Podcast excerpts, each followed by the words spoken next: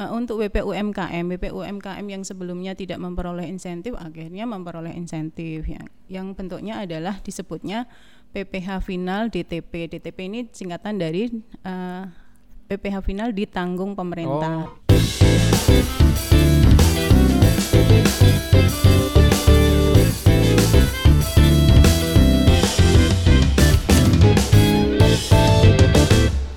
Halo kawan pajak, kembali lagi di Celote 180 Kolaboratif Podcast Kanwil DJP Jawa Tengah 2 Kali ini bersama saya, eh, biasa dipanggilnya Kak Inu gitu. Kalau nama aslinya eh, nggak eh, usah aku sebutin lah ya. Uh, mungkin di episode sebelumnya kita udah uh, bahas seputar kota Karanganyar bersama dengan Kepala KW Pratama Karanganyar kemarin ya. Dan kita udah tahu tentang seluk beluk kota hmm. Karanganyar apa aja yang menarik di sana. Kemudian misterinya juga udah terkuak ya kawan kawan pajak. Nah di episode kali ini uh, mungkin agak berbeda dari episode yang kemarin temanya. Jadi kali ini kami, kami di Celoteh 180 pengen bahas uh, seputar insentif pajak. Nah kebetulan hari ini saya nggak sendiri, jadi saya bersama dengan narasumber kece yang merupakan uh, kepala seksi bimbingan pelayanan dan konsultasi, kemudian juga beliau saat ini juga menjabat sebagai PLT, kepala seksi bimbingan penyuluhan dan pengelolaan dokumen yaitu Ibu Yamti Rahmani. Selamat siang Ibu. Selamat siang Mas Wisnu. Oh iya, ya. bagaimana kabarnya Bu? Sehat, alhamdulillah. alhamdulillah. Kemarin, Seger lah pagi uh, siang ini oh, ya. Iya. ini. Jadi memang Bu Yamti ini uh, kebetulan uh, sering kali uh, saya dan Bu Yamti ini membahas seputar insentif pajak. Jadi hmm. uh, karena mungkin di saat-saat pandemi corona seperti ini ada eh, hal-hal uh, yang memang perlu diubah dari aturan perpajakan ya Bu ya, sehingga hmm. mungkin bisa lebih meringankan wajib pajak gitu ya Bu ya. Nah yeah. Bu, mungkin langsung aja ke poin pertama ya Bu ya. Hmm. Jadi kan e, karena ada pandemi corona ini, yeah. kemudian banyak masyarakat terdampak ya bu ya, yeah, dan benar tentunya terutama di ekonomi yang mulai awal tahun kemarin menurun, ya istilahnya ya. perlambatan ekonomi perlambatan ekonomi dan penurunan ekonomi ini tentunya yeah. disikapi sama pemerintah kan dengan cepat ya Bu ya. Yeah. Begitu ada Covid terus langsung uh, ada beberapa aturan terkait insentif pajak terutama untuk UMKM. Nah, yeah. ini gimana sih Bu ceritanya Bu? Jadi uh, mungkin bisa diceritain sedikit tentang awalnya covid gimana terus kemudian ada insentif itu gimana kalau kalau mungkin barangkali uh, bisa diceritain sedikit ya bu ya. ya. Jadi kalau Mas Wisnu inget ya, kita hmm. masuk awal tahun 2020 itu kan dengan semangat hmm. gitu ya. Dan ekonomi berjalan ya, running well dari tahun Betul. 2019 sebelumnya. Walaupun kalau di luar negeri kita udah dengar oh mulai ada COVID Pandemi, uh, di beberapa negara gitu ya muncul. dan akhirnya akhirnya ya uh, memasuki bulan Maret ya kalau nggak salah ya. Hmm. Bulan Maret itu kita ke, kemudian Indonesia juga mulai ada yang terpapar ya. ya mulai ada suspek uh, suspek satu, suspek dua yang waktu itu kalau pemerintah mengumumkan masih bisa di nomor gitu ya, ya satu dua sampai berapa gitu. kalau sekarang udah kalau wah udah ya kalau sekarang mungkin sudah banyak gitulah. Nah itu kemudian uh, memang uh, sampai dengan Maret itu sam, apa pandemi ya ditetapkan sebagai uh, bencana nasional. Dan mulailah kemudian memang pemerintah itu khususnya dalam hal ini Kementerian Keuangan Direktorat Jenderal Pajak menggodok untuk memberikan insentif kepada wajib pajak pelaku usaha dari berbagai macam sisi begitu ya. Mau dari sisi demand maupun dari sisi supply gitu ya.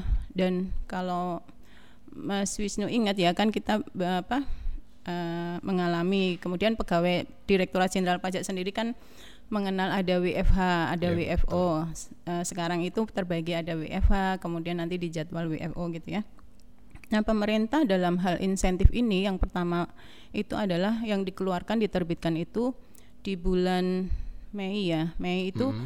diterbitkan. PMK 23. Jadi okay. ya di dalam PMK 23 ini diatur mengenai insentif untuk PPh 21 DTP, kemudian ada apa pengurangan angsuran PPh okay. pasal 25 seperti hmm. itu ya.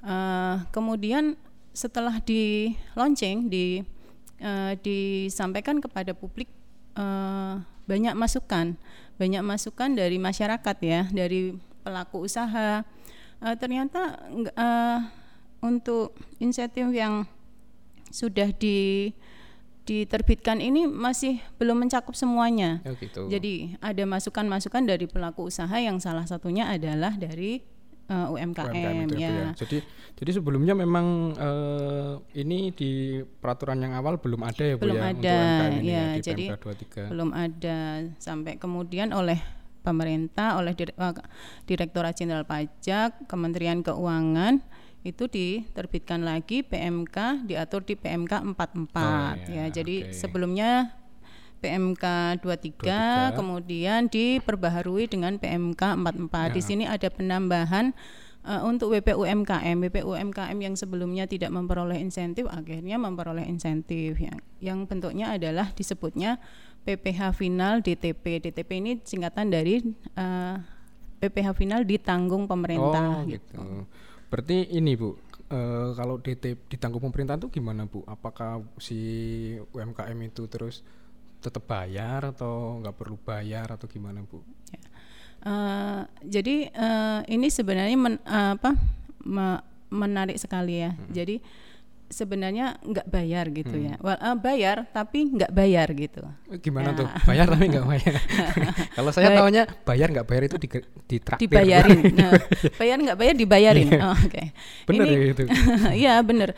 Jadi eh, insentif ini bentuknya adalah untuk pelaku usaha UMKM. UMKM ini ada kriterianya ya. Jadi yang kalau yang paling mudah diingat sih omset setahun, Ya. ya, setahun itu tidak melebihi dari 4,8 miliar. Oke. Itu ma- bisa masuk ke kriteria UMKM gitu ya. Jadi dia usahanya seperti biasa aja ya. Jadi kalau yang ini misalnya pengusaha UMKM ini eh, dia setiap bulan misalnya omsetnya eh, 10 juta begitu ya. Biasanya dia membayar pajaknya kan berapa tuh setengah persen kali 10 juta itu 25 ribu ya. Iya sekitar. Ya bener Bu. Kalau eh 50 ribu, 50.000. 50 ribu, Eh, setengah persennya 50 ribu. Nah setelah dengan adanya insentif ini dia misalnya omsetnya tetap tetap ya tidak naik tidak Oke. turun gitu 10 eh, 10 juta sebulan. Nah dia biasanya kan membayar ke bank ya, Bu. membayar ke bank atau kantor pos dihitung setengah persen itu eh, tadi ya setengah persen itu 50 ribu. Nah dia insentifnya ini sebenarnya dia biasa menghitung, tetapi tidak perlu disetorkan ke bank atau kantor pos, tetapi dia tinggal eh, tidak perlu bayar dihitung biasa, dicatat biasa. Bentuknya insentifnya kalau dia memanfaatkan eh, pelaku tersebut memberitahu ke DJP. Jadi hanya memberitahu saja bahwa saya memanfaatkan insentif caranya dengan mengakses laman pajak Oke. gitu. Berarti memang eh, beneran nggak perlu bayar ya? Bu? Ya, nggak perlu bayar. Eh, Tapi harus dihitung aja biasanya berapa gitu. iya iya. Kalau mulai berlakunya kapan itu Bu?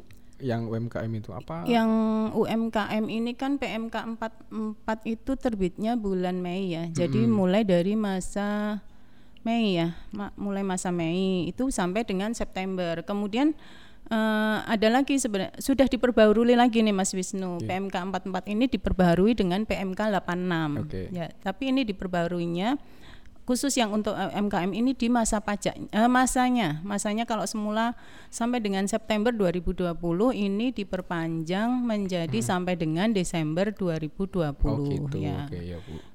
Eh, mungkin yang tadi cara memberitahukannya itu ya kalau lebih lengkapnya boleh ceritain Oke, ya. Oh, apa-apa Bu. Silakan diceritakan apa yang Ibu boleh diuraikan ya. ya. Jadi memberitahukannya pelaku UMKM ini mengakses laman pajak. Laman pajak ini alamatnya di www.pajak.go.id. Kemudian kan eh, dia harus sudah ber-NPWP tapi ya Iya Bu. Sudah ber-NPWP kemudian dia login di alamat tersebut. Nanti kalau diklik kan ada halaman di pojok kanan atas tuh ada tombol login gitu.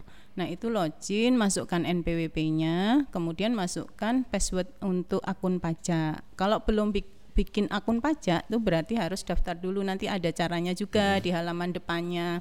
Biasalah sama seperti uh, apa aplikasi-aplikasi yang lain tuh depannya ada caranya gitu ya gitu. Setelah login masukkan NPWP masukkan password. Kemudian nanti di sana pilih tombol layanan. Di dalam tombol layanan itu ada menu e-reporting. E-reporting COVID-19 nah itu Oke. diklik aja. Kemudian nanti akan muncul pilih layanan yang akan di insentif yang akan dilaporkan ya dipilih itu. Kalau untuk PPH 23 DTP ini pilihannya adalah insentif PPH final DTP. Gitu. Berarti nggak perlu ngajuin ya bu, ya langsung tinggal dilaporkan aja ya bu Iya, ya. nggak perlu ngajuin. Nah Oh, ini gitu. pembaruannya, Oh, pembaruannya dari kalau PMK 23 eh, PMK 44. yang 44 itu kan kalau mau memanfaatkan insentif PPH final 23 harus, harus ngajuin dulu. kayak harus mengajukan surat gitu. keterangan gitu ya. Kalau ini nggak perlu? Oh. Nah ini nggak perlu, langsung eh, bulan ini omsetku sekian harus bayar pajak 50.000 misalnya. Nah itu tinggal akses laman pajak dan masukkan ke menu tadi, e-reporting tadi. e-reporting Nah tadi ya, itu Bu, ya? kalau sudah mengisi di situ, nah itu artinya sudah memanfaatkan, nggak perlu lagi ada rupiah yang dibayarkan ke bank atau kantor pos gitu. Jadi kawan pajak sebetulnya ini insentif Hmm. gampang banget langsung bisa dimanfaatkan. Asalkan tadi eh, penghasilan di bawah 4,8 miliar ya bu ya. Ya omsetnya Omsetnya setahun, setahun di di bawah bawah 4,8 miliar. Dan langsung bisa dimanfaatkan. Ya benar sekali. Cuman tadi memang harus eh, kewajiban apa tadi reportingnya itu dianggap kayak ngajuin ya bu ya. Kalau sebelumnya kan ngajuin Ya, dulu, kalau ini enggak perlu ya, ya. kalau dulu kan ngajuin dulu dapat surat keterangan, istilahnya surat keterangan sebagai pengusaha yang terhutang PP 23. Ya. Nah, itu Kalau sekarang eh, kalau sekarang enggak, nggak jadi langsung eh, misalnya bulan ini bulan ini apa nih bulan September? bulan September gitu ya. Nah, bulan September saya mau memanfaatkan gitu. Nah, itu nanti di bulan Mei eh, di bulan Oktober di bulan Oktober paling lambatnya 20 Oktober itu pengusaha UMKM tersebut mengakses laman pajak. Nah, itu dianggap bahwa di bulan September yang bersangkutan sudah menggunakan insentif PP 23 final DTP gitu. Oke, itu Bu. berlaku seterusnya sampai dengan Desember yang dilaporkannya diberitahukannya tanggal 20 bulan berikutnya. Oh gitu. Iya. Jadi memang menarik sekali nih kawan Ya. pajak ya. Jadi kawan pajak yang Oh, belum dan ini Mas Iya, Bu. Wisnu, mungkin kalau apa ya? Kalau pelaku usaha itu kayak mengalami kesulitan ragu-ragu gitu ya. Nah, itu eh WP WP tersebut bisa menghubungi kantor pajak setempat Oke. atau ke ke kami, ke kami yang ada di kantor wilayah DJP Jawa Tengah 2 Oke gitu. oke oke Bu. Jadi cukup jelas informasinya ya terkait Ya. tadi insentif apa. Ternyata terjawab sudah. Ternyata memang ada eh, apa ya. Jadi pemerintah juga nggak lepas tangan aja gitu ya Bu ya terkait Covid ini ya. Jadi tetap dikasih eh, stimulus-stimulus atau Hmm. Ya. apa ya ibaratnya penanggulangan Insentif Covid. ya, istilahnya insentif, ya. Tapi memang nggak diberikan secara tunai tapi dalam bentuk ini insentif pajak ya Bu ya. Ya, kayak gitu insentif pajak. dan ternyata mengajukannya online kawan pajak jadi nggak perlu berbondong-bondong datang ke kantor pajak nanti kayak kayaknya masih belum boleh Boleh boleh. eh, Boleh, Bu? Ada sebagian sudah kan eh, beberapa layanan memang harus tatap muka, ah. tetapi ada yang ada di yang tidak. kan. ah, ya ada layanan-layanan di KPP Pratama itu yang sifatnya bisa online, Online. dan kalau yang insentif ini kan sebenarnya nggak perlu datang, Iya, nggak Bu, ya. perlu datang ke KPP Heeh. Pratama. ngapain gitu kan Ngapain ya? Ngapain? Karena diaksesnya melalui laman pajak. Betul Bisa sekali. dari rumah, dari tempat usaha, mau pakai HP, mau Oh. pakai PC gitu. bisa ya bu ya Bisa. yang penting bisa. ada internet Iya. kalau kalian nggak ada internet Yang penting, percuma ya, yang penting punya saluran internet dan eh, ini kalau yang kecuali kalau memang butuh informasi gitu ya, belum bisa caranya bagaimana itu pun bisa konsultasi melalui eh, ada grup WA ya, Ya, ada Bu. grup WA yang eh, Kanwil sediakan atau mungkin di KPP Pratama juga ada hotline melalui saluran telepon ataupun email masing-masing kantor. Oke, oke, oke. Nah, kalau ini sendiri bukan tadi udah eh, jelasin terkait insentif itu Ya. yang terkait UMKM itu bagaimana, kemudian cara ngajunya gimana dan Ya. mungkin eh, yang saya pengen tanyakan kalau di Kanwil DJP Jawa Tengah 2 ini eh, update yang menggunakan insentif bisa dijelaskan ke atau diceritain udah berapa jumlahnya atau mungkin eh, testimoninya dari masyarakat Iya. itu ada nggak Bu? Ada ya, ada yang menggunakan tetapi memang ini Mas Wisnu belum Belum semua. belum maksimal, Oh, gitu. belum Ah. banyak gitu. Eh, jadi kalau yang WPUMKM sebenarnya tersebar dari wilayah Jawa Tengah 2 ini kan dari Karanganyar, wilayah timur sampai dengan ke barat itu yang paling ujung di kita itu kan di Cilacap. Ya. Itu terdaftar mungkin hampir hampir 6 60 ribu gitu ya, atau 50 ribu sekian gitu WP UMKM tetapi yang terdata di aplikasi apa yang terdaftar di monitoring kita kan Direktorat Jenderal Pajak ada sistem monitoringnya untuk bagi siapa yang sudah memanfaatkan gitu. Jadi dari yang sudah memanfaatkan itu sekitar 9.963 gitu ya dan itu yang lapor sekarang jadi itu kan baru sekitar 15 persen Mhm. 15 persen Rasionya Bu ya. baru ya 15. 15 persen 9.900 dari sekitar 50 ribu sekian gitu 50 ribu itu WP UMKM-nya Bu. ya Oh, WP UMKM-nya nah itu baru 15 persen dan dari 15 persen itu yang mungkin sudah melaporkan bahwa dia memanfaatkan insentif, Insentif, itu sekitar 7.000 Oh, gitu. jadi 6.853 lah. Segitu. Jadi yang sisanya ini mungkin memang masih harus untuk apa? Oh saya memberitahukan me- memberitahukan ya istilahnya melaporkan memberitahukan bahwa saya memanfaatkan insentif eh, PP 23, 23 itu. final. Gitu.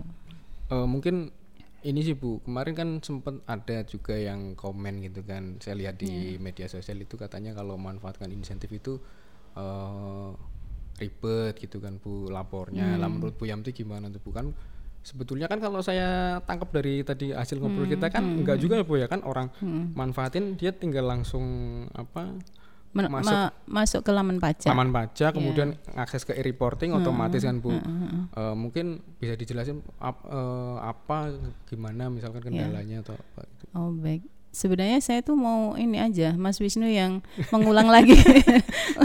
jadi untuk menggambarkan oh sebenarnya mudah kok gitu ya. Iya. Jadi em, jadi kalau bisa ngulangi lagi berarti mudah gitu. iya, iya Bu. Oh, berarti Jadi- karena karena saya bisa menangkap kan pajak apa yang dijelaskan sama Bu Yamti berarti itu udah pasti mudah. mudah. Gitu. Ya, tapi boleh kita ulangi Iya, lagi aja apa-apa. ya untuk eh, biar yang akan memanfaatkan ini semakin paham oh memang beneran mudah gitu ya. Jadi WP WP UMKM ini tinggal mengakses laman pajak di www.pajak.go.id. Kemudian nanti di halaman depannya itu ada eh, masukkan NPWP dan masukkan password biasa seperti aplikasi lainnya. Eh, nanti akan masuk ke halaman layanan ya, masuk ke halaman layanan kemudian eh, pilih yang e-reporting COVID-19. Jadi kalau masuk ke situ nanti ada menu I-nya banyak, I, ada e-reporting TA, ada e-reporting COVID-19, ada i-KSWP, kemudian ada i-PHTB. Jadi layanan-layanan pajak itu kan sudah banyak yang online. Iya, Bu. Jadi di situ menunya banyak. Nah, itu pilih menu yang e-reporting COVID-19. Nah, nanti diklik saja. Nanti di situ nanti akan ada tombol pilihan tombol layanan. Nah, itu klik tombol tambah ya. Oke. Tambah gitu. Nah, nanti di situ tinggal dipilih, dipilih yang mm, apa? pemanfaatan insentif PP eh, Dua, tiga. eh, PP 86 eh, PMK, PMK PMK 86. 86 gitu. Di situ Ya, aja. ya. Nanti tinggal diisi. Berarti memang apa ya sebetulnya isu-isu tentang sulit, ribet itu bisa bisa dijelas apa di bisa ditangkis lah ibaratnya sama Bu Yamti Iya. tadi bahwa sebetulnya itu simpel. Ya, nah, simple. ada lagi satu isu nih Bu yang menarik kemarin saya juga sempat juga baca di media sosial itu katanya kalau ikut apa ngajuin insentif itu nanti resikonya eh Kamu mau ikut? enggak, enggak usah nanya. Resikonya tuh nanti ke depannya eh PPh-nya akan di benchmarking sama DJP gitu. Kan kan tetap laporan tadi kan Bu setiap tanggal 20 Iya, kan. Itu gimana Bu? Apa apa memang gitu atau itu hanya apa gitu kan Bu? Ya eh, sebenarnya setiap laporan pajak kan memang di, dipantau ya Iya. karena tugasnya Direktorat Jenderal Pajak kan memang memantau. Jadi kita misalnya melakukan benchmarking itu untuk oh untuk me- mengawas apa membimbing ya. Selanjutnya kita akan melaku- melakukan bimbingan sebenarnya kepada wajib pajak tersebut bagaimana cara menghitung pajak kemudian melakukan kewajiban perpajakannya dengan dengan lebih apa lebih Iya. uh, lebih benar lagi Iya. gitu. Tapi kalau memang WP itu sudah sudah benar ya, sudah ngitungnya memang oh saya omsetku tuh 10.000, bayarku 50.000 sebulan. Ya sudah, memang omsetnya sekian dan benar. Jadi selesai masalah ya nggak masalah jadi nggak perlu takut lagi Berarti gitu. sebetulnya DJP punya apa ya dasar ketika dia oh ini kira-kira nggak benar dan ini memang kita punya dasar ya bu ya nggak sembarangan ya bu Iya, ya. iya. Oke, Jadi kita kan berdasar data ya. Maksudnya kita juga ada data-data Oke. untuk pengamatan dan sebagainya gitu. Jadi kawan pajak eh, mungkin beberapa isu tentang insentif pajak yang beredar gitu kan yang saya tangkap itu eh, sudah dijelaskan. Yang pertama tadi kalau ngajunya ribet ternyata enggak. Ya, ternyata kalian cukup dari rumah kemudian eh, apa ya namanya? Akses laman pajak. akses laman pajak pakai gadget handphone juga bisa. Ya, Kemudian benar. tadi mungkin isu yang kedua kalau ikut insentif pajak nanti gimana gimana ternyata enggak juga karena semua itu ada dasarnya itu Bu, yang Iya. ada saya tangkap. dasarnya Oke, ya. gitu. Dasarnya kan omset sebulan berapa gitu. Nah, yang menarik lagi nih kalau dari ta- tadi kan dijelasin eh, penggunanya udah berapa tadi 12.000 ribu ya? Penggunanya Yang Oh, UMKM yang sudah yang, yang su- sudah yang aja. sudah memanfaatkan itu 9.000 9.000 dari 9.900 gitu. Dari 50-an dari 50 ribu ribu. sekian. Berarti masih banyak yang belum manfaatin bu. Ya, Eh, nah, ya, Eh, masih banyak yang belum. kalau dari DJP sendiri gimana bu? Eh, apakah itu perlu memang memang wajib pajak akan apa ya, dihimbau untuk memanfaatkan atau gimana bu? Kalau Ya. saya lihat kan ini kan insentif ya, jadi ya kawan pajak terserah wong namanya insentif mau dimanfaatin mau Iya. gitu. eh ya kita akan apa melakukan sosialisasi terus menerus ya Mas Wisnu. Jadi eh, DJP wilayah Jateng 2 ini kan ada 12 KPP, kemudian 6 KP, 2 KP dan satu Kanwil. Nah, kita akan bergerak terus menerus semua unit ini untuk memasyarat memasyarakatkan insentif bahwa ada insentif seperti ini loh dari pemerintah dan ini kan sangat sebenarnya eh, memang benar-benar meringankan wajib pajak sesuai tujuannya. Tujuannya adalah untuk me- membangkitkan ekonomi masyarakat dan dibuat dengan sangat mudah, sangat cepat.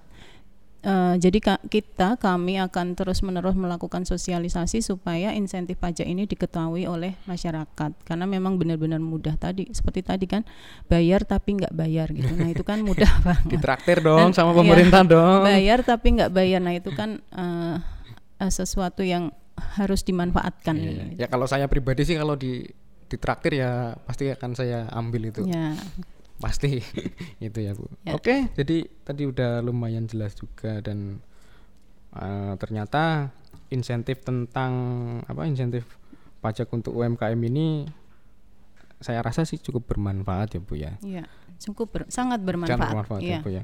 Lumayan loh sampai bulan Desember kita ditraktir sama pemerintah gampang Iya. gitu kan bahasa Iya. bahasa gampangnya DTP Iya. itu nggak bayar pajak bayar tapi bayar sih cuman cuman dibayarin gitu Ya, aja. ditanggung pemerintah. Nah, kawan pajak eh, di akhir sesi karena udah tadi udah jelas banget ya eh, apa yang dijelasin tentang insentif pajak buat UMKM ini sama Bu Yamti gitu kan. Eh sebelumnya sebelum saya tutup, saya mau kasih informasi bahwa di episode kali ini akan ada giveaway kawan pajak. Giveaway-nya ya nanti hadiahnya pokoknya menarik deh.